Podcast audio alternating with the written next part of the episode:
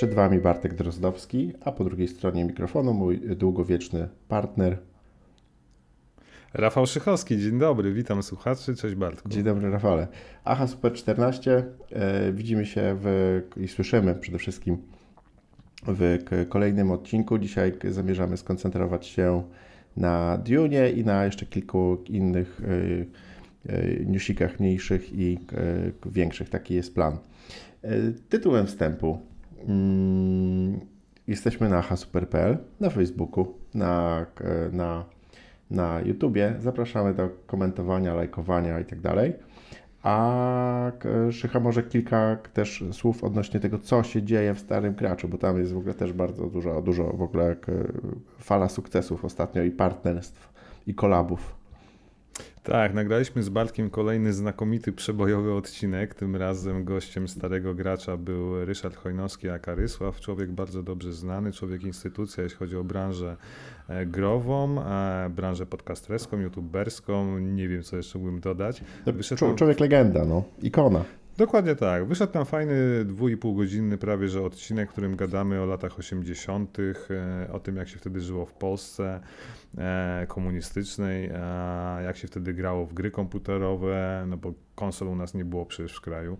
No generalnie gadamy o życiu, są wspominki, to jest taki wyzwalacz też e, emocji, różnych wspomnień niekoniecznie związanych z grami i właśnie z Bartkiem żeśmy to nagrali i polecamy, bo jest podobno bardzo fajny odcinek, nawet mojej babci się podobało i mojej żonie. Nie, super, w ogóle takie w ogóle jak growe szaleństwo z lat 70, e, nie 80, 80 90 no także w ogóle to, totalne, totalne retro ale też kilka nowości. Dobra. Stary Gasper, tak. To, to my, zanim przejdziemy jeszcze do jakichś e, tych do topowego, dunowego, wydmowego, piaskowego tematu, zanim w ogóle wrócimy na e, pustynię, pustynię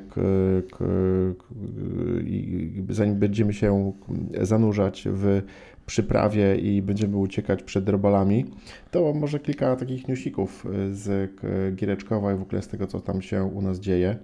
Mhm. Ja z giełdy chyba już nic nie mam, bo moje topowe, topowe spółeczki ostatnio podupadły, także e, patrzę na, na, na, na spadki i nie, e, nie, nie, nie, nie cieszy mnie to e, ale na pewno wrócimy z tym tematem. A jeszcze w ogóle mam taką ciekaw, ciekawą zapowiedź, te, ciekawą zapowiedź, bo w sumie nie przeliczyłem tego bardzo dokładnie, ale doszedłem do wniosku, że po bardzo wielu latach gry na giełdzie mam tam E, wzrosty portfela, nie wiem, 50, 60, 70%, jakoś tak, już nie pamiętam dokładnie. Chyba spoko, nie? Około, około 50. Natomiast na kryptowalutach mam chyba ze 100 w ogóle, także... I to jest taka różnica, że... Bogactwo. Boga, nie, ale chodzi o to, że wiesz, że giełda to jest tam takie, wiesz, analizy, siedzenie, tutaj czytasz, no w ogóle obserwujesz te notowania spółki, tutaj, wiesz, tam setki transakcji. Może, Pasjonujesz może setki, a tutaj nie. loteria. Tak, tak, tak, ale w ogóle, a, a kryptowaluty to, wiesz, to tak w ogóle na, na, na czuja i generalnie w ogóle bez żadnego, nie no, oczywiście też byłem przygotowany, co nie?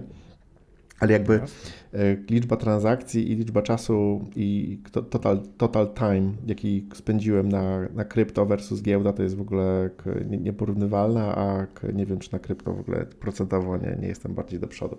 No, ale Jaki tak, z tego morał? E, kupuj krypto. Nie, ale nie możemy, nie możemy tak powiedzieć. Do, do, nie, absolutnie. Ja, jak w kryptowalutę gdzieś tam, tak chyba jak większość świata, nie wierzę, znaczy, że, że do mnie dotarło, że to faktycznie ma sens, jeżeli pomyśli się o kryptowalutach jako o nowym złocie, czy jakiejś takiej e, jakimś surowcu, który po prostu, którego, e, którego ilość podaż jest ograniczona i mhm. on jest po prostu uznawany przez bardzo dużą liczbę osób za coś wartościowego, w związku z tym ma wartość E, natomiast odnośnie takiego e, realnego użycia kryptowalut, to, to jakby nie potrafię w sobie odnaleźć. Może mam za mało potrzeb takich czarnorynkowych, żeby, żeby odnaleźć potrzebę. Masz przyprawę, to lepiej w to no. Dobra, to taki tam krótki, krótki e, temat poboczny. Słuchaj, podobno Far nie Far Cry, tylko w Forza, przepraszam, powiedziałem Far Cry, ale ja naprawdę w tego Far Cry'a wszedłem ostatnio dosyć mocno i mo mocno mnie wciągnął. Wiesz co, nie wiem, wydaje mi się, że jestem gdzieś w środku. Ale bardzo mi się podoba. Naprawdę. Ja jestem zaskoczony trochę, wiesz, tym, że niby ten sam kotlet, jak ty to często mówisz, mhm. mielony, ale, ale przyjemnie się strzela, gra, bo brakuje raz na parę lat takiej gry, nie? Takiej nieskomplikowanej. Tak, to jest w ogóle, to jest perfekcyjny, perfekcyjny Far Cry, naprawdę mega w ogóle, ale wiesz co, jest jeszcze fajne, że te misje są bardzo różnorodne. To nie jest tak, że jest, oczywiście odbijanie e, posterunku to jest mniej więcej ciągle to samo, natomiast jeżeli chodzi o misje fabularne i nawet misje poboczne, to wiesz, ciągle robisz coś innego. To, to, to, to jest. A wiesz, co jest najważniejsze, że pierwszy raz chyba są filmiki w czasie gry i, i fabuła jednak jest pokazywana to z perspektywy tego głównego adwersarza, co on dzieje się, kiedy, nie wiem, zabijesz jakiegoś generała, jego istotnego, ważnego. Mhm. I, I, jest sporo tych filmów, czego nie było w poprzednich Far Cry'ach tak naprawdę. I, I, czy to jest możliwe, że w poprzednich Far Cry'ach też główny bohater nie miał głosu, a tutaj ma? Tak, tak. Tutaj mhm. często widzimy bohatera w przerywnikach filmowych no. i nawet w bazie z trzeciej osoby. Tak, prawda? jak w tym, jak w Assassin's Creedzie, no tak jak Albo Division. ostatnio mówiliśmy, że w ogóle te wszystkie gry migrują do tego, że wyglądają wszystko jak jedna wielki, wielka Ubisoft game, tylko się zmienia, e, zmienia się True. setting. E, no tak, no bo w poprzednich Far Cry'ach to pamiętam, jak był taki mały, taki młody gówniarz, nie wiem, czy to była trójka czy, czy, czy, czy czwórka, to prawie go nie było widać. On był w jakichś takich nie, niektórych większych przerywnikach, ale no, tak to utożsamianie się, z... to jest w ogóle taka ciekawa historia, co nie? No bo począwszy jeszcze no. od Half-Life'a, e, Pamiętam, że twórcy Half-Life'a mówili o tym, że jakby Morgan Freeman nie jest pokazywany, dlatego i nie ma też głosu, dlatego że to pozwala graczowi bardziej utożsamić się z bohaterem, czyli nie pokazujemy go i on nie ma swojego głosu, co nie? Jest niemy, ale to jest właśnie odwrotne moim A jest odwrotnie de facto, że tak. czujesz tego bohatera, może nie czujesz tak, jak był, by, byłbym nim, co nie? To może... No ja gram laską, to ciężko mi się wczuć. Już nie będę cytował komentarz. Dani Rojas. No, nie. nie, jak? Dian, Niani? Dani Rojas, Dani, tak jak Dani. bohater Ted Lasso, jeden z piłkarzy, więc tak, też miałem dużo śmiechu z tego no. powodu.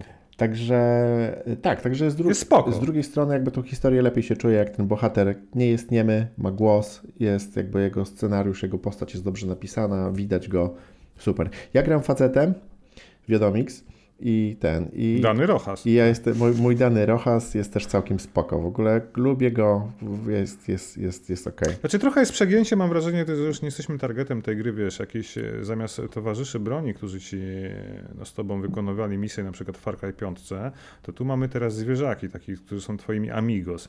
Tylko to jest takie nie wiem, dla mnie kiczowate, że masz krokodyla biegającego w koszulce, albo koguta w takim, jak to się nazywa, w czołkerze nabijanym ćwiekami. No tak, wygląda jak taki kogut punk. Ale to jest przeurocze w ogóle, ale...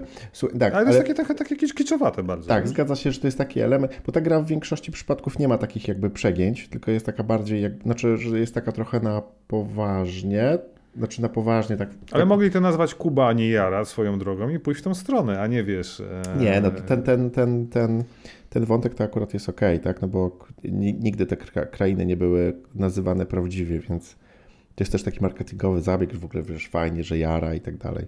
Ale w Asasynach były, nie? A no tak, a Ameryka chyba w sumie też była prawdziwą Ameryką. No tak. No, no tak. no cóż, odwagi zabrakło. A słuchaj, tak, ja te, te zwierzaki faktycznie nie pasują, ale e, one są... Ja ich wyłączyłem, ale tak, wiesz, one wiesz, co mi się strasznie podobało, że jak próbujesz pogłaskać koguta, to, to on robi takie uniki. W ogóle próbujesz go tak, pogłaskać, tak, a on tak, próbuje tak, cię tak. dziobnąć. To jest tak słodkie. Ale krokodyla możesz pogłaskać, jest super. Tak, w ogóle, ale wiesz, ja biegam z tym e, pieskiem Bumbumem i on jest taki, wiesz, ja taki, mam, taki tak. prawdziwy i, i po prostu go sobie wymieniasz. On sobie. jest w poprzedniej części w ogóle, nie wiem. Czy tak, wiem, wiem, wiem, że tam go okay. przyjechał w kontenerze. Tak, tak, tak. Znaczy grafika mi się podoba. Strasznie lubię klimat karaibskich wysepek, prawda? I to zachodzące słońce i masz czystą radość. To jest po prostu, wiesz co, ja patrzę na tego Far Cry i myślę, czemu tak cyberpunk nie wyglądał od początku, Dokładnie. co nie? Przecież... A to wcale nie jest dużo jakaś fantastyczna grafika, to jest otwarty świat, więc no, e, no właśnie.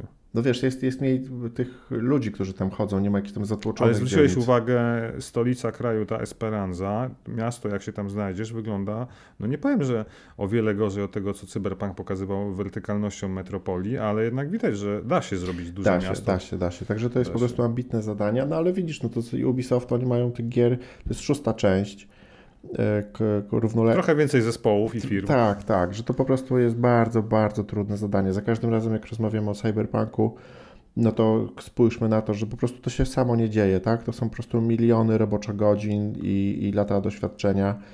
I, I 6, nie wiem, 5-6 gier w podobnym settingu i jeszcze kilka innych Równolegle serii. ile gier, prawda? No właśnie, i te wszystkie przecież Tak. Tom Clancy, wszystko w dżungli, strzelanie i asasyny, tak? To, to, to są po prostu, oni tak. mają tych gier 10 za sobą bardzo podobnych i po prostu za każdym razem improvement 10-20%. Ale skoro wspomniałeś o cyberpunku, to zakładam, że wierzysz w tego e, nowego cyberpunka, w sensie patcha nextgenowego, że jednak uda im się to doprowadzić do takiego wyglądu jak na PC-tach. Mówię o konsolach oczywiście. Oczywiście, że tak. Znaczy, ja chyba na innym podcaście, o którym rozmawiam, chyba z Rysławem. Starym gadaliśmy w Rysławie. Ja jestem, ja jestem, Rysław powiedział, że, k, k, że wiesz, że, że tutaj wspierają się dwie opcje.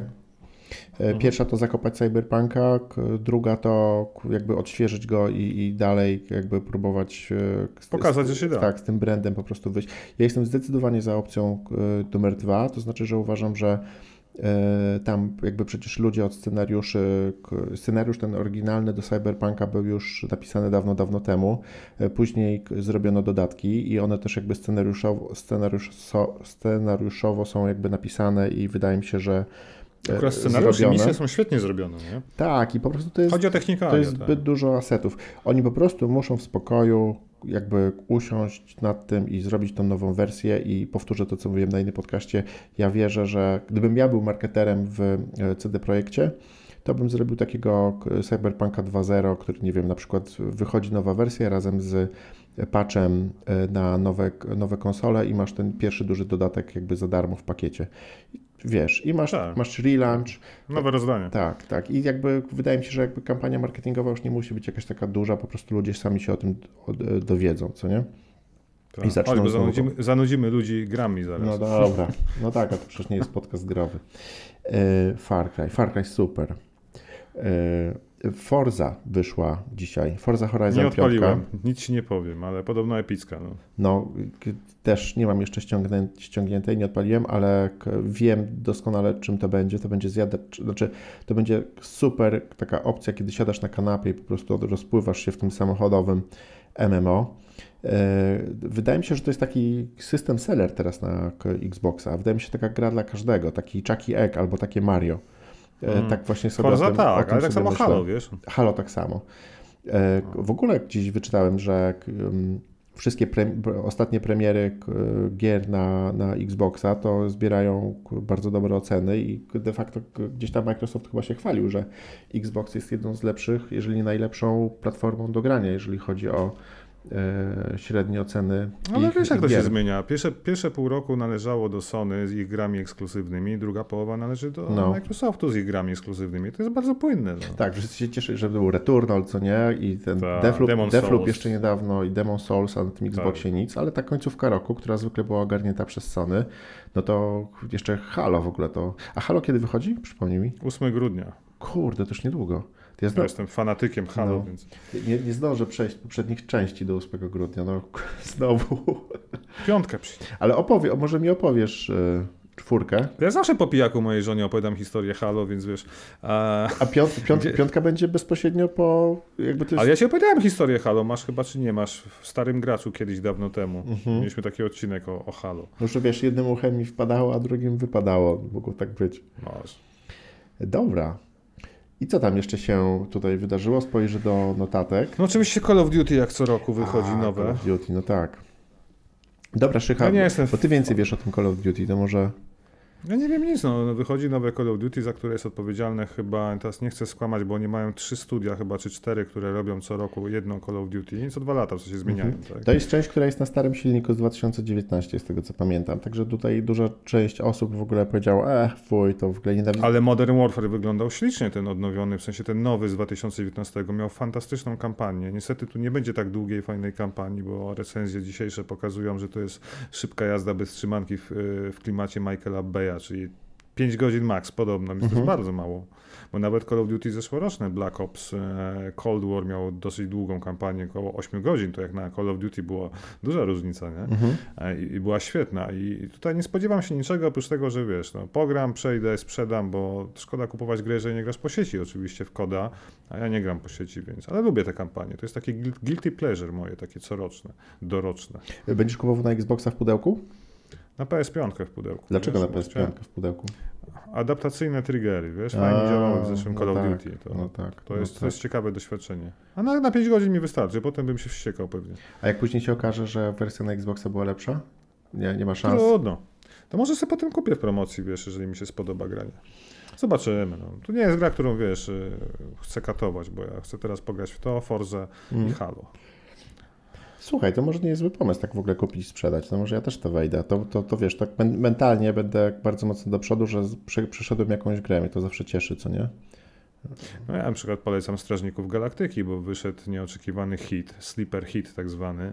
Fantastyczna gra dla pojedynczego gracza, fajna przygoda, fantastyczna historia. Jeżeli ja nie znam nikogo, kto nie lubi klimatu Strażników Galaktyki, bo postacie są świetnie napisane, a gra opiera się głównie na niesamowitej walce z wykorzystaniem wszystkich postaci, wydawaniem rozkazów i no, oczywiście na niesamowicie śmiesznych dialogach i fajnej zakręconej fabule. Tam jest wszystko to, co było w dwóch filmach, to jest w ciągu 20 godzin podane, wiesz, Mhm.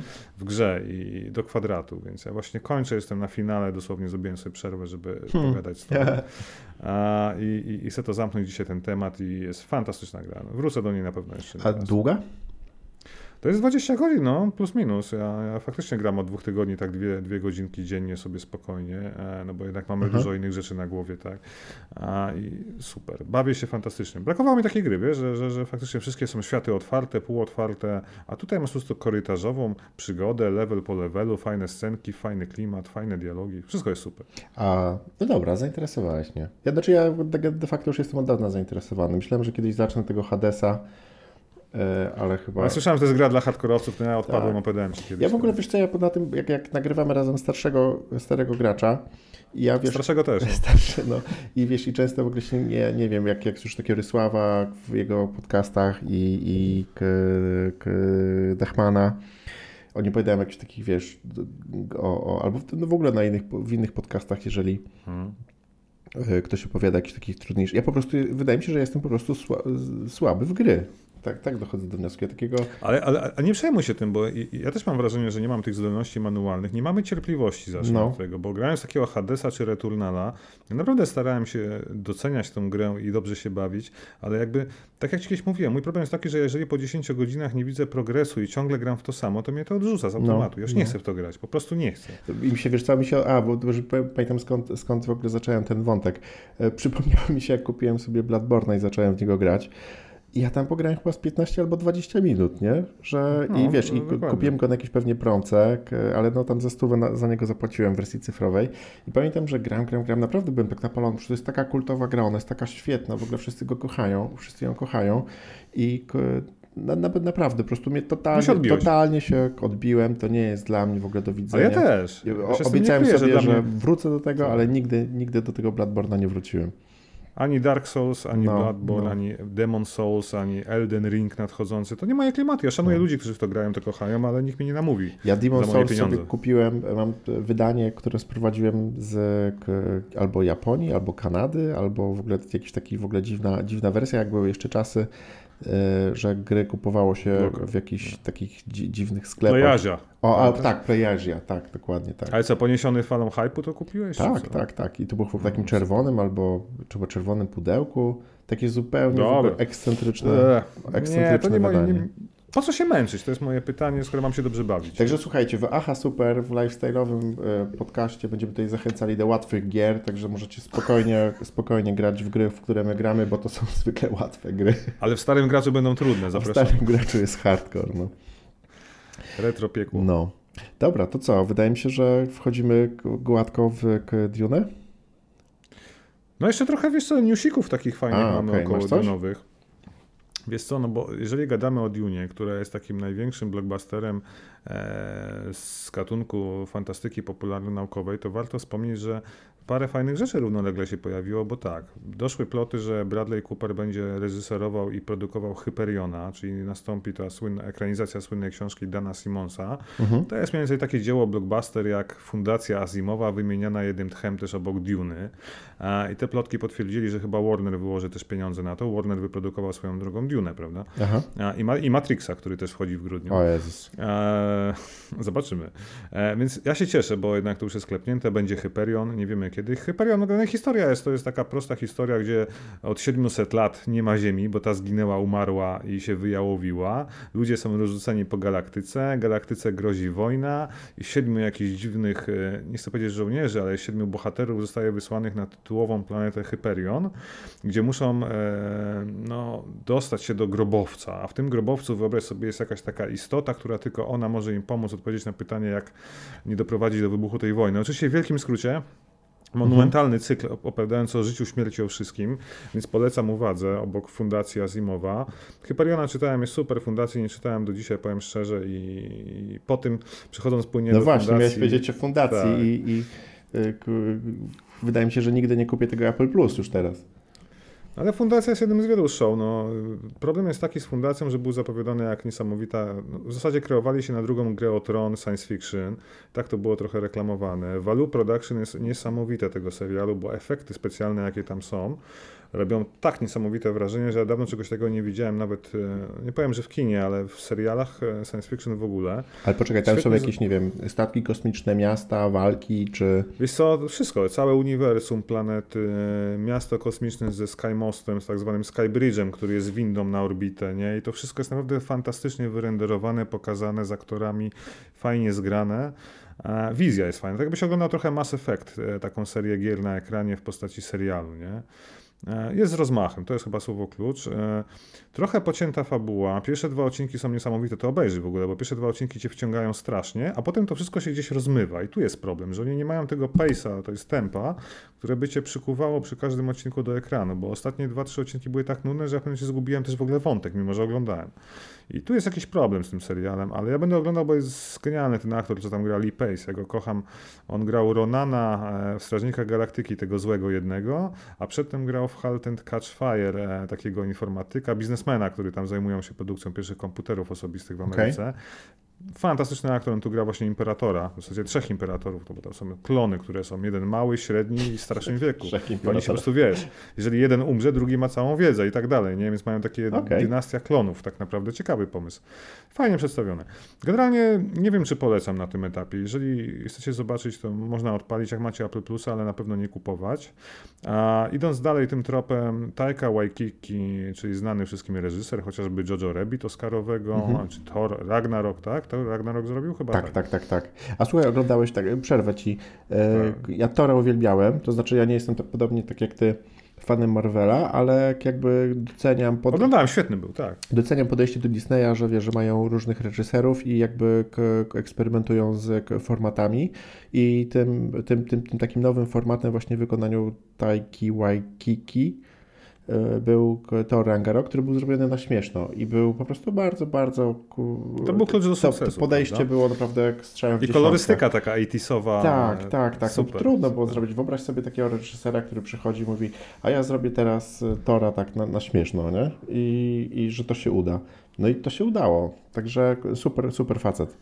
I jeszcze powiem, no tak, on, ja tylko what... zanim ci przepraszam, y, bo przypomniało mi się, że miał drugoplanową rolę ta, Taika Waikiki w, e, w Ligaju, którego ostatnio też oglądałem. To może przy okazji kolejnego odcinka. No on też robi What We Do in Shadows, ten serial A, no, oczywiście, oczywiście. No, oczywiście. E, więc, ale w skrócie o Taika Waikiki, on wziął na tapet w tym momencie komiks Inkal. Inkal to jest komiks stworzony przez Alejandro Chodorowskiego, nomen omen, zaraz o nim powiem, ale to jest postać dla uniwersum Dune. E, I Mobiusa, Mobius taki znany francuski rysownik komiksowy, kultowy, w zasadzie Jean Giraud, tak, tak się mówi, e, ale no, dostał zielone światło, będą kręcić. Nie wiem, czy wiecie, ale że Taika Waititi od dawna mówi, że Waikiki, przepraszam, Czekaj, mi się Waititi jednak, Waititi, właśnie to sprawdziłem. A nie Kiki? Titi jednak. Titi. Titi, Titi, A, notatki mi zmieniły w takim razie nazwisko. A, Dobrze, Waititi. Dobrze mówiłem, okej. On w ogóle chce nakręcić e, fabularną Akirę i mówi to głośno od dawna, więc jeżeli teraz ten inkal zostanie przez niego dobrze zrobiony. Ja wierzę w jego zdolności reżyserskie, bo on ma jednak talent i potrafi robić niesamowicie dziwne filmy, chociażby wspomniany Jojo Rabbit, nie? Mhm. No bo jak pokazać film o zbrodniach nazistowskich, o Hitlerze w prześmiewczy sposób, jak on to nakręcił, ze smakiem. Nie wiem, czy widziałeś Jojo Rabbit, polecam. No właśnie, właśnie nie. To jest też taki super mega fajny film? No można tak powiedzieć, no, o II wojnie, Żydach, zagładzie, A, okay. o chłopcu, który jest e, wychowywany jako, wiesz, e, członek Hitlerjugend przez mamę i tak dalej. Obejrzy, bo to jest niesamowite. A film jest no, dobry jest... czy śmieszny?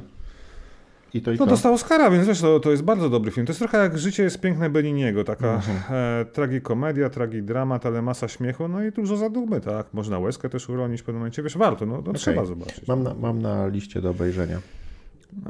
No więc on obiecał, że obiecał. No mówi, że zrobi Akira kiedyś. Ja mam nadzieję, że dożyje Mhm. tego momentu, jak zobaczymy fabularnego Akira, ale będąc przy Akirze, to trzeba powiedzieć od razu o Neuromancerze, czyli drugim przedstawicielu kultowej, kultowego nurtu cyberpunkowego. E, Neuromancer to książka napisana przez Williama Gibsona i on tam użył tak naprawdę pierwszy raz pojęcia cyberprzestrzeń, kowboje, deków i tak dalej, tak dalej. Kiedyś gadaliśmy o tej książce. mhm. Jak nie, to, Tak. to, to opowiem więcej. Neuromancer od wielu lat ma być zekranizowany. Ostatni update projektu był 2016 czy 2017. Reżyserem został Tim Miller, człowiek odpowiedzialny za pierwszego Deadpoola. Nie wiem, czy nie za drugiego, muszę to sprawdzić. I, ale projekt chyba w jakiś limbo wpadł, bo, bo nic się nie dzieje i szkoda. Nie? I myślałem, że coś będzie. Taki neuro, ne, ko- neuromancer to taka, wiesz, taka kultowa... Neverending Story niestety. No i, i wiesz, aż, aż dziwne, nie? Że nikt się za to nie Ale tak jak Akira, to są mniej więcej te same lata. Mhm. 80 chyba czwarty czy drugi jest Neuromancer, a 86 jest, a może ósmy Akira. Nie pamiętam, przepraszam, nie, przygotowałem się. Słuchaj, A- jak Akirę kupować, to w... Słuchaj, 4K. aż mi wstyd zadać, zadać to pytanie. Akira to jest film, to nie jest serial. Jest oryginalnie manga wypuszczona w 19 tomach, którą możesz kupić w Polsce, bo ja sobie skompletowałem w 19 zeszytach. Okej, okej. No i jest kultowy film, który wygrał też nagrody w Cannes w 86 roku. Dobra. Manga, anime, przepraszam, bo manga to jest komiks, anime Oczywiście. to jest animowana wersja komiksu. Dobra, bo tak? chciałem się upewnić, że to jest jakby, jeżeli... Ja ci pożyczę, mam w 4K kolekcję. Ja właśnie chcę to kupić, wiesz, bo widziałem u Ciebie na Insta, jak to jest piękne, pięknie wydane. Wydaje mi się, że jakby czuję się w obowiązku po prostu posiadać taką płytę. Odrestaurowana wersja, tak? Z, no, z nowymi wokalami. Warto. Mhm. Obejrzałem, w ogóle film się nie zestarzał, jest jakby, wiesz, no, ciągle na poziomie i ponadczasowy, to jest chyba słowo klucz. Widziałem tak a propos, jeżeli mogę Ci tutaj się wtrącić odnośnie No. Akiry, taką może nie analizę, ale e, informację o tym, że w, w Akirze wymyślono i wprowadzono po raz pierwszy jakieś takie kultowe e, przesunięcie się przedmiotu w głąb. I to jest jakiś Akira Movement. On polega na tym, że na przykład, że jak ktoś ha- hamuje na motorze, to, to ten motor jakby tak się, e, jakby hamując Tak. się przesuwa w głąb i w ogóle wszystkie przed, Wiem przedmioty. Tak, tak. I to jest Akira Movement albo, albo coś w tym stylu. I w ogóle strasznie mi to zauroczyło i to jest jakby ten moment, kiedy pomyślałem sobie, że tą Akirę w 4K muszę mieć, a nie mam żadnego filmu na, na Blu-rayu w 4K, wydaje mi się. To jeszcze dokup, wiesz co, Ghost in the Shell, czyli drugie kultowe anime, od którego warto zacząć Mam, przygodę z mangą. mam w 3D. A ja w 4K, no. okej. No, a widzisz, mam, mam w 3D. Pamiętam, że długo jakby szukałem odpowiedniej wersji, czekałem też na wersję z polskimi napisami, ale chyba się nie, doczek- nie doczekałem. Y, I nawet jej nie obejrzałem, wyobraź sobie. Okej. Także wiesz, No i ostatnia rzecz, y, jaką mam z tych ciekawostek, bo już idziemy do Duny, tak? Dobra, a no tak. Ostatnia rzecz, finałowy sezon serialu Expanse, czyli adaptacji kultowej sagi książek e, o tym samym tytule, Expanse albo Ekspansja, e, debiutuje 5 grudnia na Amazonie i tutaj taka ciekawostka, fun fact, jak ostatnio ktoś się pytał, jakaś ciekawostka po angielsku, e, że serial e, to jest piąty sezon ostatni, a mimo to książki będą dalej wychodzić, więc oni zamykają jakby ekranizację i już chyba się skupiają ci sami scenarzyści już tylko na książkach, Ale warto zobaczyć, bo to jest jeden z najlepszych seriali science fiction, jaki powstał. Masa polityki, masa fantastycznych efektów i fajnych historii. Warto. Mhm. Jeden z najlepszych. Ja się E, próbowałem też. Amazon Prime. Odbiłem, odbiłem się od Expans. Wiem, że tutaj nasi koledzy z innych podcastów, e, chyba Dachman jest wielkim fanem, e, ale to jest. Hmm. To nie jest za wolne po prostu i te, te, te, te efekty specjalne też. Nie, to nie jest jak Bosch, którego nie lubisz, tylko może tempo prowadzenia śledztwa przez dwa sezony takie jest, ale, ale to, to, to wiesz, to, to nie są Star Warsy na tej zasadzie, No, tak? To, to no. nie spodziewa się od razu. Potem się bardzo też rozkręca i w ogóle fajne tematy wchodzą, ale tu nie będę tutaj... Sp- sp- Dobra, ale Expans jest fajny, bo, bo ten świat jest fajny, czy ta historia jest fajna, czy jest fajnie nakręcony, czy. Sam to powiedziałeś, no, efekty, świat, historia, potem w kierunku, w którym skręca fabuła, no bo mamy Mars, Mhm. mamy tych pasiarzy, y, ludzi urodzonych jako robotnicy tam, wiesz, w pasie asteroidów, którzy pracują nad w tej kopalni, są trochę traktowani gorzej niż, nie wiem, ludzie z Ziemi, tak? Czyli lepszy niż są fundacja. napięcia polityczne. Lepszy, To- lepszy niż fundacja, jak nie mam. Oj, moim zdaniem na tym etapie tak. Czyli po Ekspansja prostu nie ma jest- takich tyle kasy, takich efektów, ale tak czy inaczej serial i tak jest lepszy. Tak, Expans. tu się zgodzę, zgodzę się. Tak. Dobra. Tak. Może kiedyś. Tyle ode mnie, jeśli chodzi o, jak widzicie, fantastyczne czasy, gdzie mamy to, co chciałem. Dużo zekranizowanego No. science fiction, dużo planów. Przecież jeszcze Matrix w tym roku wychodzi, który Bartek nie chce słyszeć, ale, ale trzeba będzie zobaczyć. No i najważniejsze, Duna. Doczekaliśmy się Bartku Duny w kinie. No, Byliśmy. tak. Jak słuchajcie. wrażenia? Słuchaj, no to na, na Dune czekaliśmy od bardzo dawna. Nie wiem, czy może jak poopowiadamy sobie, jak, jak dochodziliśmy do tej Duny i k, k, k, jak, jakie były jej oczywiście. historie. E, Duna pewnie... Może dwa słowa ten, Duna, kiedy się w ogóle książka pojawiła. Tak, to ty, ty, zaczę, ty masz dobry, do- dobry background, to, to Ja jedziesz. No dobrze, no to Duna Franka Herberta, e, klasyka dzisiaj literatury science fiction, e, pojawiła się pierwszy raz, w- e, w ogóle w odcinkach w 1965 roku, a jako całość ukazała się w 66, dlatego czasem mówią 65, czasem 66. Anyway, prawie 60 lat temu wyszła książka, obsypana masą nagród, stała się, tak jak powiedziałem, kultowym tytułem. No jak wiadomo, jeżeli coś staje się kultowym tytułem, przykuwa uwagę branży filmowej z naciskiem na Hollywood. No i były pierwsze próby ekranizacji tej książki. W ogóle Duna tak naprawdę składa się z sześciu części, no bo Duna to jest część tak zwanych kronik Duny. Mamy Dunę, tą, którą znamy chyba najbardziej i na której bazuje film Denisa Villeneuve. E, Potem mamy Mesjasza Duny, mamy Dzieci Duny, mamy Bóg Imperator Duny, mamy Heretyków Duny i mamy Kapitularz Duny. To są książki napisane tylko przez Franka Herberta, taka klasyka żelazna. Potem powstało jeszcze sporo książek pisanych razem z jego synem, Brianem chyba Herbertem, tak? który potem pisał jeszcze z kimś innym. Ja już się z tym zgubiłem.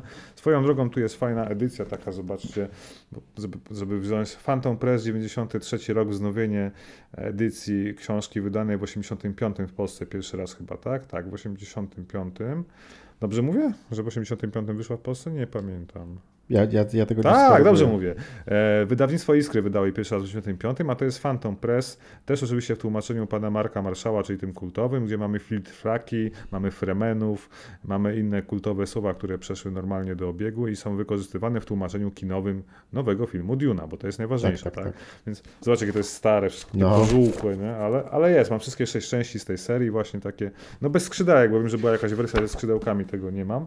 A powiedz mi jeszcze, to, to, to jest tak, że jakby kultowa i najlepsza jest ta pierwsza część, ta oryginalna Duna, a te pozostałe już nie są tak ciekawe, że... że... No Nie, nie, nie, nie, bo to jest tak, że one tworzą jakby całość i tak naprawdę, żeby e, zrozumieć całą Dune, warto przeczytać te sześć części. Ja się przyznam szczerze, że wysiadłem na Bóg Imperator Dune, już miałem dosyć tej historii o tej Dunie. i No, ile, ile tego- można na piasku? nie chcę- Ciągle ta plaża i plaża. Piaski i piaski. Ale powiem szczerze, że jeżeli ktoś to zekranizuje kiedyś, to chętnie zobaczę, szczególnie w wersji Villeneuve. Wiem, że Villeneuve, jak słuchałem, czytałem jego wywiadów, to on chce tą Dune książkę zekranizować całą i chciałby jeszcze Mesjasza Duny i Dzieci Duny zrobić, ale Okej. zobaczymy, bo na razie, na razie, jak wiemy, jest Duna, tak? Zaraz przejdziemy, No. jak, jak jest zrobiona. Dobrze, co było dalej? Słuchajcie, Wracamy do ekranizacji. Pierwszy podjął się próby ekranizacji, taki szalony, no, źle powiedziałem, w zasadzie wizjoner, reżyser Alejandro Chodorowski.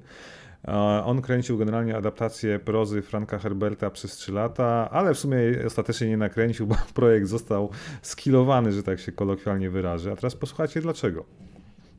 Przede wszystkim on miał wizję stworzenia 10-godzinnego e, potwora, e, który będzie no, generalnie bardzo drogi, bo tak. Chciał, żeby w tym filmie zagrali Alan Delon, Orson Welles, Gloria Swanson, czyli generalnie aktorzy, którzy wiecie, e, byli wtedy na topie, jeśli chodzi o światową śmietankę kina. Soundtrack został zlecony grupie Pink Floyd do napisania, cały, tak? A natomiast projekty miał zrobić HR Giger, którego doskonale znamy z tego, że parę lat później zrobił postać obcego dla Ridleya Scotta w filmie Obcy, To tak? rzeczywiście same gwiazdy A. były. Ale słuchaj dalej, potem ściągnął na plan Salvadora Dali, no, kultowego artystę. Artysta zażyczył sobie 100 tysięcy dolarów za godzinę obecności na planie. Chodorowski się zgodził, jak głosi plotka, a plan Chodorowskiego był podobno taki, że on te 60 minut wykorzysta na nakręcenie Daliego. Dali miał na, na, zagrać w ogóle tego imperatora Shaddama IV, e, którego, no, który, tu- który w Dunie gra ważną postać i planował potem zrobić manekina, który będzie imitował tego Salvadora Dali i kręcić sobie resztę filmu, wiesz, i raz mu zapłacić za tą godzinę 100 tysięcy dolarów. E, No i generalnie, Sprytnie. słuchaj, współ... bardzo. Współpracował z nim bardzo słynny dzisiaj rysownik Mobius, czyli Jean Giraud. Tak to się chyba mówi ładnie po, po francusku. I Dan O'Bannon. Dan O'Bannon, tutaj ci przypominam naszą rozmowę o komiksach z Obcym w jednym z pierwszych odcinków Achy, gdzie ci pokazywałem oryginalny scenariusz pierwszego Obcego właśnie autorstwa Dana O'Bannona, który został wydany teraz w komiksie w tamtym roku. E, więc też postać znana. Granie projekt, tak jak wam mówię, upadł. Dan O'Bannon trafił do psychiatryka, bardzo długo się leczył, dopiero potem zrobił Obcego z Ridleyem Scottem.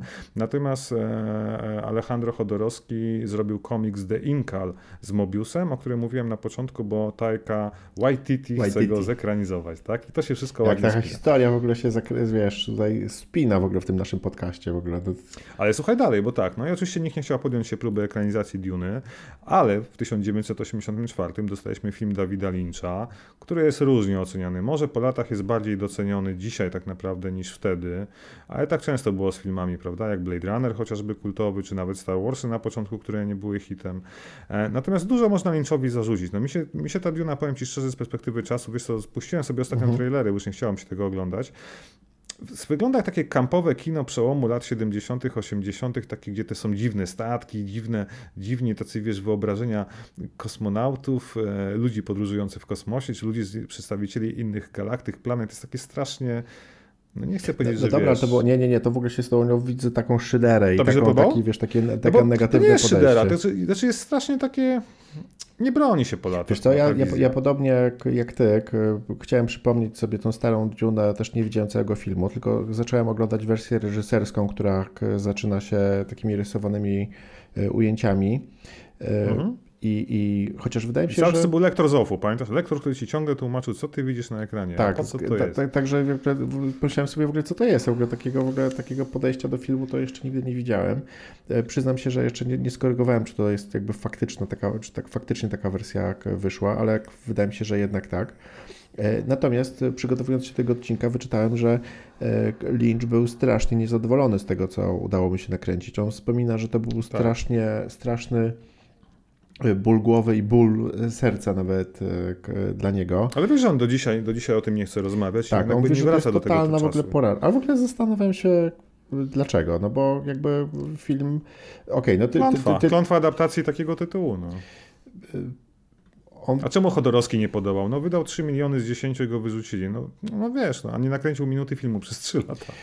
No. Słuchaj, no Lynch mówi, że to nie jest film, który chciał nakręcić, ale to po co no, się za to no wziął? No tak, tak. tak. Odwrócić tak pytanie. nie, mówi, nie mówi też dlaczego. No dobra, ale jeszcze... Znaczy, ja Ale wiesz, ja myślę, do tego dojdziemy, wiesz co, przy, przy rozmowie o wizji Villeneuve'a, bo, hmm. bo, bo, bo, to, bo to jest trudna książka. Tam jest tyle wątków, chociażby w pierwszej części Duny, że nakręcić to w ramach filmu, czy serialu, czy czegoś, to nie jest proste dzisiaj. Mhm. Dobra, ale to wiesz co, nawet nie skupiając się na wątkach, nie, nie, nie rozmawiając o tym, jak, jeżeli chodzi o treść, to jakby ta jakby wizja tego świata, jeżeli chodzi o design, o scenografię, no to ja jestem nią zauroczony i dla mnie jakby ona w mojej głowie jest taka jakby oryginalna. Ja tą Dune sobie właśnie tak wyobrażam.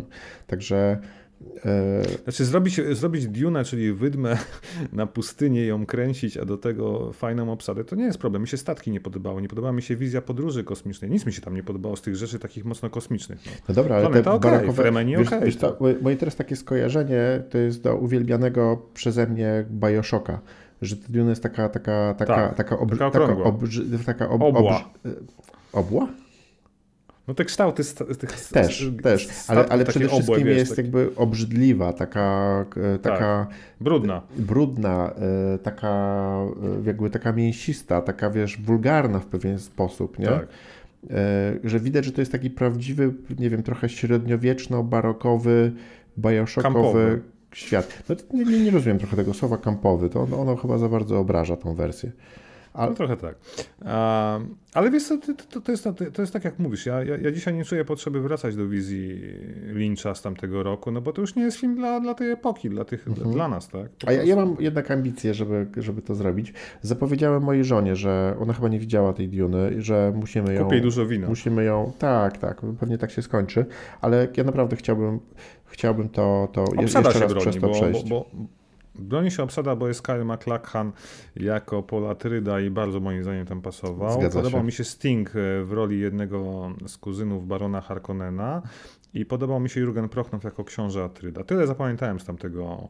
I straszny baron Harkonnen, strasznie obrzydliwie wyglądał tak. i ja byłem mały i strasznie się go bałem wtedy.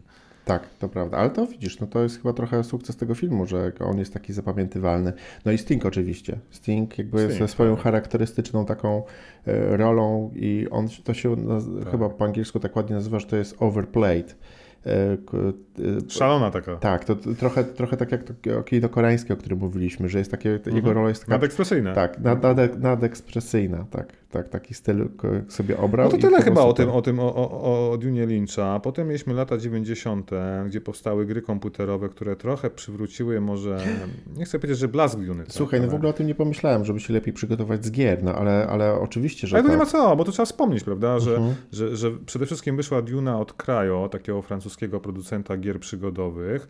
To była w zasadzie taka przygodówka, visual novel, taka adaptacja trochę tej Duny Lyncha, bo tam postacie były bardzo podobne. Zgadza Nawet się. Kyle MacLachlan nie był Był, był, bohaterem, był. tak to, była, to była absolutnie adaptacja, to była gra, która była powiązana wizualnie z filmem. Z filmem, też, prawda, Też tak, tak. wspominam. No. ornitoptery, czerwie, to wszystko, tak, nie? tak, tak. I To, to była fajna przygoda, a potem wyszedł wielki hit. Poczekaj, ale to pamiętaj, że Duna 2 to generalnie początki do Duny 2 i jakby ten pomysł na RTS-y zrodził się już w Dune 1, ponieważ warto wspomnieć, że to była o tyle rewol- rewolucyjna gra, ponieważ ona zabierała w sobie miks właśnie takiej przygodówki, czy też visual, visual novel, tak jak powiedziałeś, z RTS-em, który pojawiał się w drugiej części gry. Tam już mieliśmy rozstawianie przecież tych... e, Ale mówisz o tej produkcji od kraju, jedynce. tak, o jedynce. Mieliśmy prostu, rozstawianie już Tam było coś małego, tak. I to już tak. był taki początek, widać było, jakby ktoś, ktoś jakby zainspirował się, ktoś już wiedział, że chce pociągnąć dalej ten wątek i zrobić RTS-a. No tak, no wyszła gra właśnie Duna 2 Battle for Arrakis od e, Westwood Studios, czyli producenta e, no amigowego wtedy tak naprawdę, Mhm, mhm. I, i PC-towego. E, RTS, który zredefiniował branżę RTS-u, wyznaczył standardy na wiele lat, bo potem był Command Conquer i parę i wiele, wiele innych naśladowców. Wspaniała przygoda. Ja nie? jeszcze, słuchaj, powiem Ci, że ja doskonale pamiętam ten moment, kiedy byłem na ulicy Śląskiej w Gdyni razem z kumplami i regularnie jeździliśmy No. do, do takiego sklepu, gdzie się nielegalnie e, kopiowało gry. Była zawsze Wtedy legalnie. Była, była legalnie, tak, była kolejka po prostu ludzi, którzy z, z paczkami dyskietek 3,5 stali w kolejce i tam były dwie osoby, które po prostu się uwijały jak w ukropie. Ich Były- latało. Tak, i w, w ogóle przypominam, teraz właśnie mam, mam ten obraz przed oczami, w ogóle mnóstwo tych amik, jedna, jedna koło drugiej, mnóstwo monitorów i na wszystkich kopy kopy, co nie? I tam po prostu jechane. I, Tak. I facet mówi, że jest świetna nowa gra, że Dune, że Dune 2, nie? że po prostu wszyscy to biorą. I chyba No. na pięciu dyskietkach Niesamowite, i wyszedłem z. Duną 2 z, z k- tego sklepu i y, naprawdę ja się zakochałem w tej grze, uwielbiałem ją, y, grałem w nią po prostu, nie wiem, chyba prawie 24 na dobę. Ale co ciekawe, wiesz co, to, to, to zobacz, to nie była adaptacja jakby sensu stricte książki, materiału wyjściowego, bo de facto miałeś trzy frakcje Mhm. i mogłeś być Harkonnenem, Atrydą albo nową, nowym domem, że tak się wyrażę, nie pytam nazwy Ja na L nie. czy na O, kurde, nie pamiętam, ale były trzy, trzy strony, prawda? E, I, i, I to był faktycznie RTS, w którym zarządzaliśmy żniwiarkami, które wydobywały przyprawę, budowaliśmy swoją bazę, wojska, walczyliśmy z przeciwnikiem, e, nasze żniwiarki były atakowane przez czerwie. No to fantastyczny RTS, nie? A jak się te armie ornitopterów wysyłało na bazę wroga, to gra klatkowała na mojej Amidze 500. E, I pamiętam, że ledwo wyrabiała w pewnym momencie pod koniec gry, już tam w późniejszych etapach. I chyba tyle o tej grze. No. Kultowa, legendarna, to jest chyba słowo klucz, co? E, Tak, ja tutaj patrzę, że są chyba, e, czy Sardu e, Karzy, to nie była ta trzecia... Saudakarze nie, to są żołnierze imperialni, ta No gwardia tak, ale to wiesz co, to nie jestem w stanie znaleźć, przynajmniej na wiki tutaj tej trzeciej rasy, ale zostawmy No to. jest trzeci dom, trzeci dom tam jakichś szlachetnych, tak? No bo tutaj e, domy tych. Nie chcę powiedzieć, że tam jest system feudalny w Dunie, ale jakby masz takie do- domy szlachetnie urodzonych, tak? No bo masz Atrydów, masz Harkonnenów, masz jakieś tam jeszcze inne frakcje. E, dobra, to co? To tyle o Dunie. E, lata 2000. Lata 2000 przyniósł nam dwa miniseriale. Był przede wszystkim bardzo dobrze przyjęty miniserial Duna, wyprodukowany przez e, stację Sci-Fi. Główną rolę zagrał William Hart. Bardzo dobrze przyjęty, chyba czteroodcinkowy czy sześciodcinkowy, nie pamiętam szczerze. E, Był tak dobrze przyjęty, że wyprodukowali potem Dzieci Duny, czyli kolejną część w postaci miniserialu. No i temat jakoś tam mm, prostu został gdzieś, wiesz, e, zapomniany, nic, nic więcej nie robiono przez 20 lat. Natomiast w, w 2000 wyszedł jeszcze Dune 2000, czyli próba odświeżenia tej, tego kultowego RTS-a. Trochę moim zdaniem spaliła na panewce, bo była no nie była tak dobra jak oryginał, tym się niczym nie mhm, mhm. zaskakiwała, plus pod, pod, pod, podrasowaną grafiką. A, I wyszedł jeszcze Emperor Battle for Dune, czyli też jakby kolejna część tego RTS-a, to już było takie odcinanie kuponów, moim zdaniem przynajmniej. Ja nawet nie, nie, nie wiedziałem, że coś takiego istnieje, szczerze. To już wyglądało całkiem nieźle, w sensie bardzo nowocześnie. Też tam zobaczę przy okazji. I tyle. Jakby temat Duny znowu gdzieś tam, e, chciałem powiedzieć, został zakopany. Można tak powiedzieć, został zakopany. E, ludzie zapomnieli jakby o tym dziele, e, jeśli chodzi o filmy i książki. Mam wrażenie, że w ogóle nie było o tym głośno w, w popkulturze, w eterze. No i nagle się okazuje, że mamy nowego reżysera, można powiedzieć nadzieję kina e, hollywoodzkiego, ja przynajmniej go tak odbieram, czyli Denis Villeneuve, jak się nauczyłem Villeneuve? czytać, bo zawsze mówiłem Villeneuve, nie? A to jest po prostu Villeneuve. Sprawdzi sprawdziłeś to? Czy na pewno? Sprawdziłem i posłuchałem, tak. Denis Villeneuve, czyli okay. Kanadyjczyk francuskiego pochodzenia z... E, Człowiek, który nakręcił Pogorzelisko. Sicario zwróciło moją uwagę, bo pokazywał bezkompromisową walkę i niekonwencjonalną z kartelami meksykańskimi. Potem był nowy początek, czyli o lądowaniu obcych na ziemi. Fenomenalny science fiction bardzo dużo, z dużym przesłaniem. Potem nakręcił Blade Runnera 2049 i wtedy stwierdziłem, że to jest geniusz, który potrafi wskrzesić tak naprawdę zmarłą, e, e, czekaj, zgubiłem wątek, zmarłą co? Zmarłą markę? Markę? Gatunek? Zmarłą legendę, tak to chciałem jakoś, wiesz, ująć. I zrobił to fenomenalnie moim zdaniem. Sequel jest, wcale nie jest gorszy od jedynki, ja mam wrażenie, że momentami, szczególnie wizualnie jest lepszy. No okej, okay, technologia, tak, ale pokazuje, że Denis Villeneuve potrafi operować światłem, kamerą, obrazem, że a do tego oczywiście ma zawsze dobrego, mm, mu, chciałem powiedzieć muzyka, kompozytora, który potrafi mu to wszystko podkreślić, nie? jeszcze mhm, emocjonalnie, muzyką. E, I, i, I wtedy stwierdziłem, że kurczę, to jest mój ulubiony reżyser dzisiejszych czasów. Więc jak tylko później e, pojawiła się oficjalnie potwierdzona informacja, że Denis Villeneuve robi Dune, i podali, jaka będzie główna obsada, to ja w ogóle zamarłem, wiesz, z radości, z zachwytu i, i czekaliśmy, tak? I mamy, jest październik, jest listopad, e, byliśmy na Dunie. I jak Bartek generalnie? Jak oceniasz? Wiesz co, nie rozmawialiśmy o tym wcześniej i będziesz może trochę zaskoczony, ale e, to jest dla mnie kolejny film, gdzie wydaje mi się, że już go widziałem e, po zobaczeniu trailera. Także mhm. z tego nic nowego, no. Z, z, tego wielkiego wow, czekam na tą Dune po długim seansie 2,5 godziny. Okej, okay, Duna, spoko. E, to znaczy, że e, Oczywiście doceniam. No dobrze, a czego się spodziewałeś? W sensie adaptacja Dune, czego się spodziewasz? Laserków, blasterków, halo Nie, oczywiście, że nie, no spodziewałem się dokładnie tego, tak? Takiej pięknej, pięknej, epickiej opowieści zaprojektowanej w, z dbałością o wszystkie detale i trochę jakby takiego nowego, świeżego podejścia, e, które będzie jakby odporne na, na, na, na kolejne lata.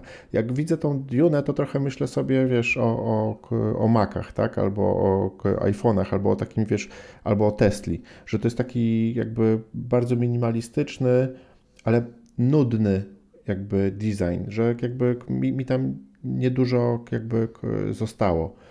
I no tak jak wspominałem na początku, no, że po zobaczeniu tego filmu, no okej, okay, no, że to był taki jakby rozszerzony e, trailer.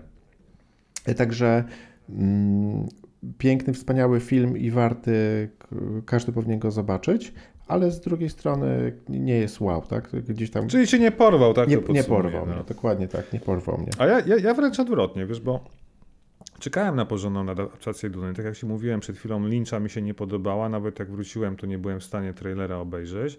Natomiast chciałem zobaczyć, co, co, co Denis Villeneuve pokaże, jeśli chodzi właśnie o obraz, o światło, o pomysł, o efekty. I powiem Ci, że nawet momentami przeszło to moje oczekiwania, bo scena inwazji nocną, nocą na miasto, w którym rezydują Matrydzi na planecie Arrakis, no robi kolosalne wrażenie, bo dawno nie widziałem, żeby ktoś potrafił nakręcić nocne walki, nie? gdzie wszystko jest skąpane w wybuchach. Tak, przypomnijmy sobie jeden z e, takich słynnych odcinków w ostatnim sezonie Gry. Gdzie nic nie było widać, tak. bo tak miało być, cytując tak, pana tak, z HBO. Tak, tak, tak, tak, A, mimo, że na OLEDzie dalej tego tak, oczywiście, ja, ja zgadzam się z tobą, wiesz, tutaj te, te, te zdjęcia, ujęcia, design to jest wszystko fascynujące, tak? Ale, no, ale mimo wszystko bez hmm. tego efektu wow. Znaczy powiem Ci tak, no spodobała mi się obsada, która jest świetnie dobrana, bo ja tu nie jestem w stanie do nikogo się przyczepić. Tak sobie wyobrażałem pola, Jak to nie jesteś w stanie pola... się... Dobra, przejdźmy do no, przejdźmy przez obsadę. E, oczywiście uwielbiamy kurde, żebym nie spalił. Stellana Skarsgarda jako barona Harkonnena? Nie, to, to też, ale nie, to zacznijmy może od samego początku. E, Timothy Chalamet. Chalamet. Chalamet, no. dobrze, zapamiętałem. E, tak, tak jak w poprzednich odcinkach opowiadaliśmy, 25 lat, ale ewidentnie... Aparycja dziecka. chudy. E, Mikry. W porównaniu z jakby z moją taką wizualizacją głównego bohatera, czyli E, czyli oczywiście nigdy nie mogę pamiętać Kyla McLachlana. Ale, ale wiesz, to jest film o przemianie chłopca w mężczyznę tak naprawdę i to pokazuje ja, na końcu. Ja doskonale wiem, że tak było w książce i nawet Rysław ostatnio mówił, że on w książce chyba miał 15 lat i był za chudy, za mały i, i tam w, w książce bano się, że po prostu nie pociągnie tej roli. E, okej, okay, spoko, ale on jest genialnym aktorem, widziałem go w kilku poprzednich e, rolach. Chyba wiem, gdzie zmierzasz. Słucham? Wiem, że gdzie zmierzasz, do miny zbitego psa. Nie. Widziałem go w tym filmie Cudowny Chłopiec, czy on był Cudowny Chłopiec, tak. tam gdzie był narkomanem. Genialny. Ale tak, jeżeli mówisz, że miał minę zbitego psa ciągle w tym filmie i wiesz, tak i jeden, wydaje, jeden wyraz twarzy, tym, tak, tak, w ogóle wiesz, on tam jest, fajnie, ale dla mnie on mógł być wygenerowany komputerowo, po prostu jak, jakby... Ale to już się czepiasz, bo to już nie ma... Fajny aktor, no fajnie go obsadzili, spełnił swoją rolę, tak? Bo on miał pokazać, że jest chłopcem, który traci rodziców i idzie na pustynię i tak dalej, i tak dalej, zostaje, wiesz, to tak jak ci mówiłem, że mi się kojarzy ten film, to jest taka alegoria kolonializmu, czy też właśnie historii tego Laurensa Zarabi. Ale wiesz nie? co, dobrze, ale wiesz co, wiesz co mnie irytowało trochę, teraz sobie o tym tak myślę, on ma przez połowę filmu, jakby on, on jest takim, jakby to, on jest pozycjonowany w filmie jako, jak, jak takie dziecko, oni się zawsze, wiesz, tam witają, tutaj mama, tak. tata, ten jego kumpel e, Duncan Idaho, Duncan, grany tak. przez Jasona Mamoe, który, który dla niego to była super rola. Ja w ogóle, jak, jak, jak myślę o najlepszych rolach w tym filmie, to zdecydowanie Jason Momoa ma tutaj swoje 5 minut. Ale Oscar Isaac też świetnie księcia Atrydę zagrał, nie? Bardzo Oczywiście, że tak. Ale wiesz co, przejdź... i słuchaj, i tylko tak. ten, i, i on, widzę go, że to jest takie, takie, takie dziecko, które tam podbiega, się wita, wiesz, cześć tutaj tatusiu, cześć wujku, w ogóle, wiesz, to nie jest pełnoprawne. Nie... No dziecko. Dziecko, no. Ale to jest o tym, że, ale to właśnie o tym jest, przy jego przemiana z dziecka w mężczyznę. No na końcu filmu masz pokazane dosłownie tą przemianę, nie? Że on mu się zmienia już wszystko, nawet okay. mu się zmienia. Dobrze, to w takim razie, wiesz co, ja może... Taki był zabieg celowy, w książce było to samo, więc to okay. jakby... Ja e, przepraszam od razu wszystkich słuchaczy, jeżeli się ze mnie śmieją, ja nie czytałem książki, także ja po prostu może mam tutaj... Yy złe, złe podejście. To ja, to ja ci od razu powiem, to, ten film to jest między 30 a 40% adaptacji pierwszej części, czyli Dune. Mhm. Niestety, tylko 30, może 40%, bo ja nie pytam, w którym momencie e, kończy się książka, czy znaczy, kończy się film, który to jest moment w książce, mhm. bo wiemy, o który moment chodzi, że oni idą w pustynię i do Fremenów, tak? Mhm. I, i, i, i, I to mnie trochę zirytowało, że wiesz, idziemy na Dune, dostajemy nagle napis Dune Part 1, gdzie w ogóle marketing nie zająknął się słowem ani na plakatach, ani na trailerach, ani nie, nie było żadnej informacji o tym, że idziemy na pierwszą część z trzech. To jest Bo prawdopodobnie, jeżeli dwóch, się nie dwóch. sprzeda, to nie będzie drugiej części. No. Nie, nie, nie. Trzymają. Słuchaj, właśnie. Ja rozumiem, że trzymają. Ale być, to, to, jest jeden z takich najfajniejszych elementów, jeżeli chodzi o w ogóle całą tą historię tego, tego filmu, bo e, wróćmy teraz jeszcze do pandemii i w pewnym momencie doszedł do nas e, news, że premiera Dune jest e, albo wstrzymana, albo przesunięta i najprawdopodobniej HBO walczy z, znaczy planuje Dune puścić w e, streamingu. E, chyba w międzyczasie był ten, ten case Czarnej Wdowy i taka batalia, jeżeli chodzi o Wytoczyła kasę. sprawę, tak, I tutaj ide, idealnie właśnie się tutaj wpisał e, wpisał Denis Villeneuve, Villeneuve przepraszam, tak który walczył o ten film, aby on koniecznie, nawet e, później, ale żeby został wprowadzony do, do, do kin, ponieważ ta wizja i e, ten film jest tak dobry i te wizualia są e, na tyle wymagające, że on po prostu musi być obejrzany na dużym ekranie. Po obejrzeniu mhm. filmu absolutnie się z nim zgadzam. I teraz tak, tym, tym newsem, do którego zmierzam, jest to, że Oczywiście, tak jak mówisz, ukrywana, że jest to część pierwsza, ale część druga e, miała e, powstać i dostała No zielone, nie była potwierdzona. dostała no, tak zielone naprawdę. światło dopiero wówczas, kiedy premiera jedynki się udała. Czyli to była taka sytuacja, że Denis Villeneuve po prostu musiał walczyć o kasę dla filmu, ponieważ wiedział, że jeżeli to pójdzie na HBO, ten film nigdy nie Tak. zarobi, on nie No zrobi tak. dwójki i to będzie porażka. I on powtórzy Będzie w ogóle historię, Tak, tak. historię Duny z 84, gdzie Albo po prostu z filmu był niezadowolony. E, No właśnie, więc szacunek dla pana Denisa, nie? Że, że będzie dwójka i prawdopodobnie Mhm. jak będzie jeszcze lepsza dwójka, to dostaniemy kolejne ekranizacje kolejnych części. Zgadza się. A, Życzę tego y, sobie. Co jeszcze? Y, Wyobraź sobie, że to był pierwszy film, który y, Villeneuve koprodukował. Także wiesz, on miał tam, y, wiesz, swoje... Dużo postawił na szali. No. Tak, tak, tak. Także widać, że to jest jego dziecko, tak? Że to jest film naprawdę, w który się bardzo, bardzo mocno zaangażował. Słuchaj, to wracając do obsady, ja, ja Mhm. ciągle będę mówił. Dla mnie objawieniem jest Stellan Skarsgård jako Baron Harkonnen, czyli lewitujący. Ale obiecaj mi, że następną, No. następną osobą, o której będziemy mówili, to jest Dave. Cha- Chani, czyli Zendaya, ok? To ja zbiorę, zbiorę w sobie Boże, hejt. najbardziej nijaka postać, jaką widziałem w filmie, mnie wkurzała samą obecnością. Baron Wladimir Harkonnen, genialny. To jest w ogóle... Obsa- obsadzenie, ja w ogóle nie poznałem Stellana Skarsgarda, który jest niesamowitym aktorem. Mhm. Dopiero jak się skupiłem na tej twarzy łysej, Tak, e, strasznie grubasa z niego zrobili, to właśnie tego lewitującego, nawet tutaj przerażał na swój sposób, swoim spokojem i tym byciem złym, takim prawdziwym, nie? Z krwi i kości. Tak samo jego bratanek, czyli ten szalony Dave Bautista grającego glosu bestię Rabbana, Mhm, nie? E, Też niesamowita postać, bo mi się zawsze wydawało, że Dave Bautista gra na jednym wyrazem twarzy, a tutaj grał takiego wściekłego Harkonnena, nie? Dosłownie. I strasznie mi się to podobało. Ja też jak zobaczyłem e, Stellana Skarsgarda jako, jako barona, widziałem, że znam skądś tą, tą, tą Mm. twarz, tak? Że to jest znany aktor, a może trochę nieznany. E, On grał w Czernobylu, dobrze kojarzę? Tak, oczywiście. Tak, tak, tak. Rewelacja. I w ogóle, e, nawet jeżeli, jeżeli nawet nie, nie chodzi o głównego aktora, który e, on podobno spędzał w charakteryzacji 6-7 e, godzin, To widać. był bardzo istotną, znaczy to, to nie jest dziwne, tak, że jeżeli chodzi o design tej postaci, to była to jedna z najważniejszych rzeczy do zrobienia.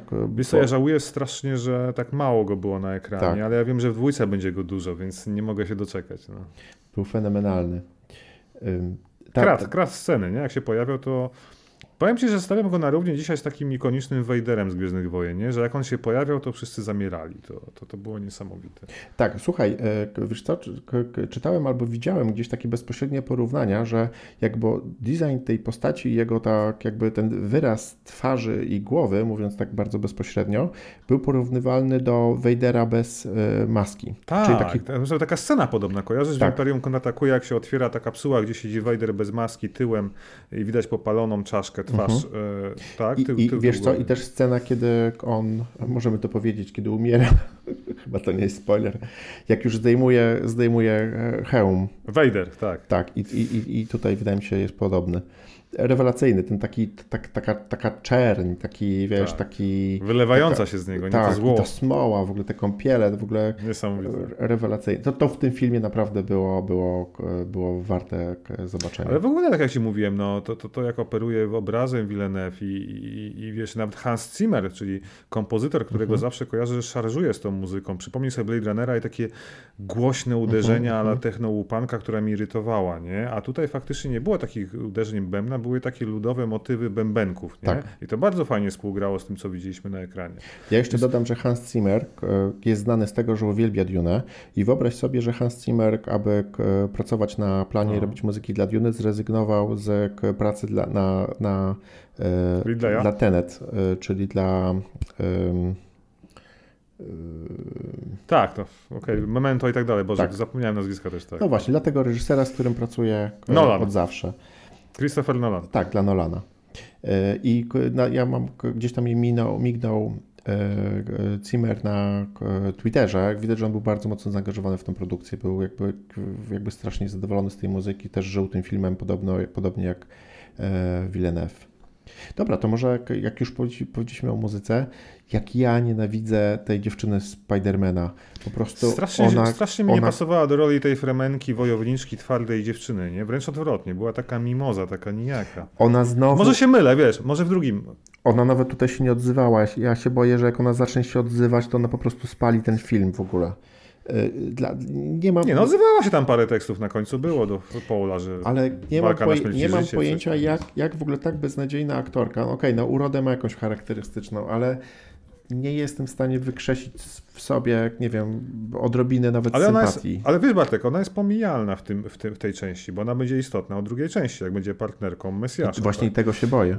Tego, tego, tego się Zobaczymy. boję. Nie, nie, chcę, prostu- nie chcę ferować wyroków, ale Javier Bardem jako przywódca Stilgar Fremenów, no świetna rola. zdaniem. Ja ogóle go poznałem. nawet nie poznałem w ogóle. Ja też nie. Wiesz co, pierwszy raz e, k, widzę, e, k, gdy, gdy pojawił się przywódca Fremenów na k, Audiencji spotkaniu z księcia. Duke'iem.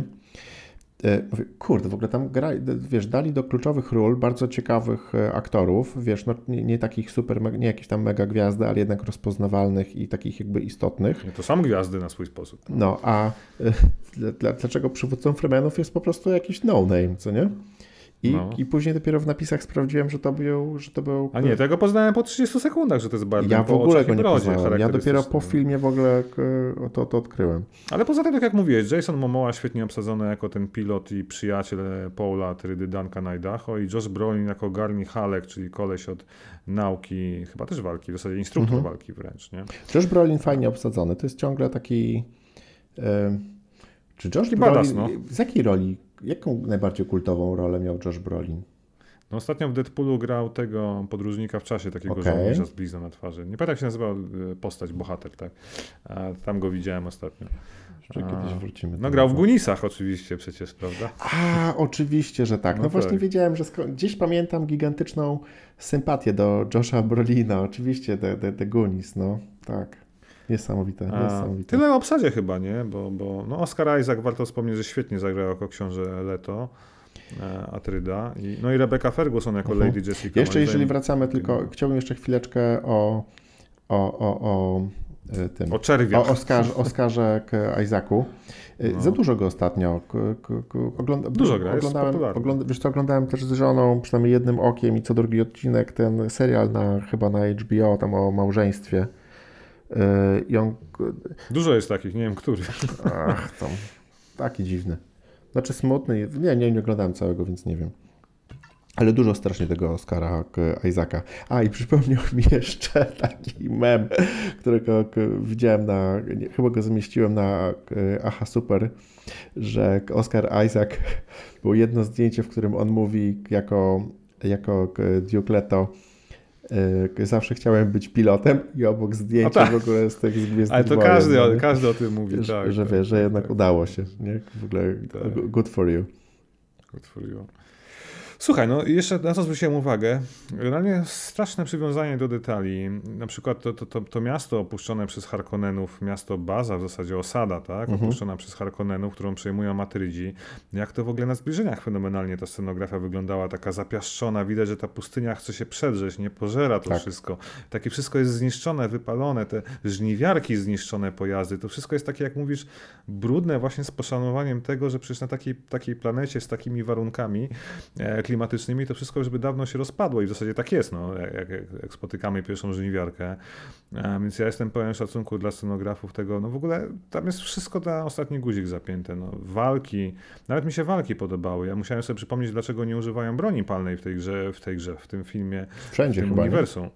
Co? A w Dune poprzedniej były jakieś tam piu-piu? Nie, wiesz co, nie używają laserów w książce, dlatego że e, no, wyjaśnienie tego jest takie, że wszyscy mają osobiste pola siłowe. Jeżeli laser wystrzelony styknąłby się z barierą pola siłowego, nastąpiłby mini wybuch nuklearny, więc zabiłoby wszystkich, łącznie ze strzelcami i dlatego nikt nie używa ani nie śmie używać laserganów tak zwanych. Okej, Bo tam są lasergany e, w uniwersum Duny. Lasgany, jakoś tak to się nazywało. okej. A, dlatego wszyscy ćwiczą się w walce na miecze i widać te miecze po prostu też świetnie zrobione i fajna choreografia walki jest w ogóle, to mi się podobało, nie? Bo też jest idea taka, że tylko wolny ruch może przebić to pole siłowe, dlatego zwróć uwagę, są takie zwolnienia, gdzie oni na końcu jakby tym mieczem chcą przebić to A, pole okej, siłowe. okej, okej. Czy to jest bardzo wierna adaptacja książki z pełnym szacunkiem dla tego, co Herbert wymyślił i to strasznie mi się tego też podobało. No co, no i czerwie. Główny bohater Dune to czerw, sandworm. E, powiem ci szczerze, byłem zawiedziony pierwszy raz, jak zobaczyłem czerwia, który po, chce połknąć żniwiarkę. Strasznie słabo to wygląda, moim zdaniem. Tak. Jest taka scena, nie? Bardzo źle to wygląda. Nie wiem, dlaczego się tak zestarzało w dwa lata, jak oni to robili, e, ale na końcu, jak jest ten czerw, taki jed, jeden z tych głównych, można powiedzieć, tak? Mhm. E, który tam stoi po prostu na powierzchni i nie będę mówił, co robi i przed kim stoi i, i i to już robiło na mnie wrażenie, że jednak mieli pomysł na przedstawienie tej istoty obcej dla nas całkowicie. Nie? I, nie mam więcej zastrzeżeń, absolutnie. Tak jak ci mówię, wszystko mi się podoba. Od kolorystyki, od efektów, od ornitoptery, po prostu mhm. żywcem Orni, Wiesz co, tak, ornitop... wiesz co, wiesz, może chciałbym teraz, jak już rozmawiamy, trochę wycofać się z tego, co mówiłem na początku, że to jest taki przedłużony trailer. E, jest momentami zachwyt, jak siedzisz. Kilka no. rzeczy mi tam jakby utkwiło i rzeczywiście może są, są spoko. E, ornitoptery tak, e, czerw na koniec, luz. Jeszcze zanim zapomnę, bo jeszcze mam dobrego... A jazda na czerwiach, jak pokazywali, jak Fremeni się wbijali na czekanami i jechali na nich. Właśnie, bo to było no. to tylko taka zapowiedź, bo chyba nigdy nie było tak, pokazane, to, to, jak to jechali na nich, ale tylko te czekany się pojawiały, no nie? No wiesz, no jak Pola Tryda zostanie Mesjaszem Fremenów i ich zjednoczy do walki z Harkonnenami, no to on będzie też jeździł na tych Oczywiście. To w ogóle druga część będzie fenomenalna. Właśnie dlatego mhm. Cieszę się, że będzie. No.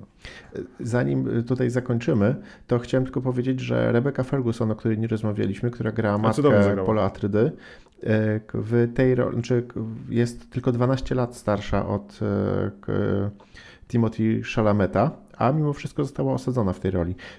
Też fajna rola. Pod, podobała mi się. Taka... Ja ci mówię, obsada jest w punkt. Po prostu mhm. nie ma, nawet matka Bene Gesserit, tak, ta przełożona bardzo też pobieżnie. W ogóle to jest ciekawe, zobacz, Denis Villeneuve potrafił w pierwsze 15 minut prowadzić cały świat geopolityczny Duny, galaktyki mhm. i tego, co się dzieje. Zobacz, tu nie masz bariery wejścia, nie? Moja Anka, która nie czytała Herberta, mówi, że wszystko zrozumiała, mhm. jakby, że jest imperator, e, no masz Harkonnenów, Atrydów, którzy walczą o wpływy, bo utracili jakby koncesję na wydobywanie jak się okazuje, nie, ale na początku przyprawy dla imperatora, przyprawa jest potrzebna do odbywania lotów kosmicznych mhm. dla Gildii Gwiezdnej i tak dalej. I to jest super introdukcja, która nie wymaga wiesz, znania tych wszystkich książek. I to też jest umiejętność reżysera, no bo zrób adaptację. No mhm. miałeś Lyncha. Ciężko no tak, zrozumieć, tak, co tam chodzi. Tam masz narratora. Mało było o samej przyprawie, czy w książce i w poprzedniej no melanż na, na narkotyk uh mhm. -huh. potrzebny do odbywania Ale on nie był tam nie, jakby nie pociągnięty, co nie? I jakoś tak... To będzie drugiej części, bo Fremeni mają... No. Strasznie mi się podoba. Trzymanie się jakby tych oryginalnych e, rzeczy i przywiązanie do detali. Fantastyczne. Ja jestem zachwycony. Wiesz co, poszedłbym drugi raz do kina, tylko nie mam czasu, do IMAXa bym chciał. Tylko w IMAXie chyba nie ma wersji 2D, a ja 3D nie zdzierżę. A, no właśnie, zawsze. właśnie, właśnie. To jest zawsze ciemne i brzydkie, nie? A, super. Strasznie się cieszę, że to wyszło i trzymam kciuki za dwójkę, no, w takim razie. Tutaj jeszcze mam notatkę, że współtwórcą e, scenariusza był Eric Roth, Roth który też pisał Forest, e, Foresta Gampa, także... A gdzie Forest Gump, a gdzie Czerwie, no. No tak, tak, tak, ale nie no. Ale może pacing nadał, Taki no, gigantyczny projekt. Wydaje mi się, że to jest o tyle, ta, ta Duna jest o tyle istotna. To było ambitne, no. Że to był e, taki, tak naprawdę coś jakby wielkiego, dużego, na co czekaliśmy. To jest taki popkulturalny moment, na który czekaliśmy, na którym się nie zawiedliśmy, to jest w ogóle. E, Ale wiesz, to jest też fajna, dobre, fajna bo, rzecz, bo, bo to otwiera też budżety do realizacji takich rzeczy jak Hyperion dla Bradley'a Coopera, jak Fundacja na Apple Plus, która może nie jest dobrym mhm. przykładem dobrej ekranizacji, ale wiesz, może Neuromancera ruszą, mhm. może ta Akira ruszy, będziemy zasypani fajnymi science fiction i taką mam nadzieję. Mhm. Tylko żeby, wiesz, Villeneuve się nie, nie rozdwoi, co nie? Także... Nie, on będzie robił Dune, niech to robi. Może robić do końca życia już Dune. Nie, nie sądzę. Wydaje mi się, że on jakby jak jeszcze zrobi tą drugą część i... To już będzie chciał coś innego tak, zrobić. Tak, to, tak, tak. Może Blade Runnera pociągnie, bo on chce zrobić trójkę. No, no. Albo, albo jakiś właśnie to, o czym rozmawiałeś, nie? Jakiś taki, wiesz, no, są gdzieś tam na półkach Akiry, Neuromancery i takie inne rzeczy. Super, super.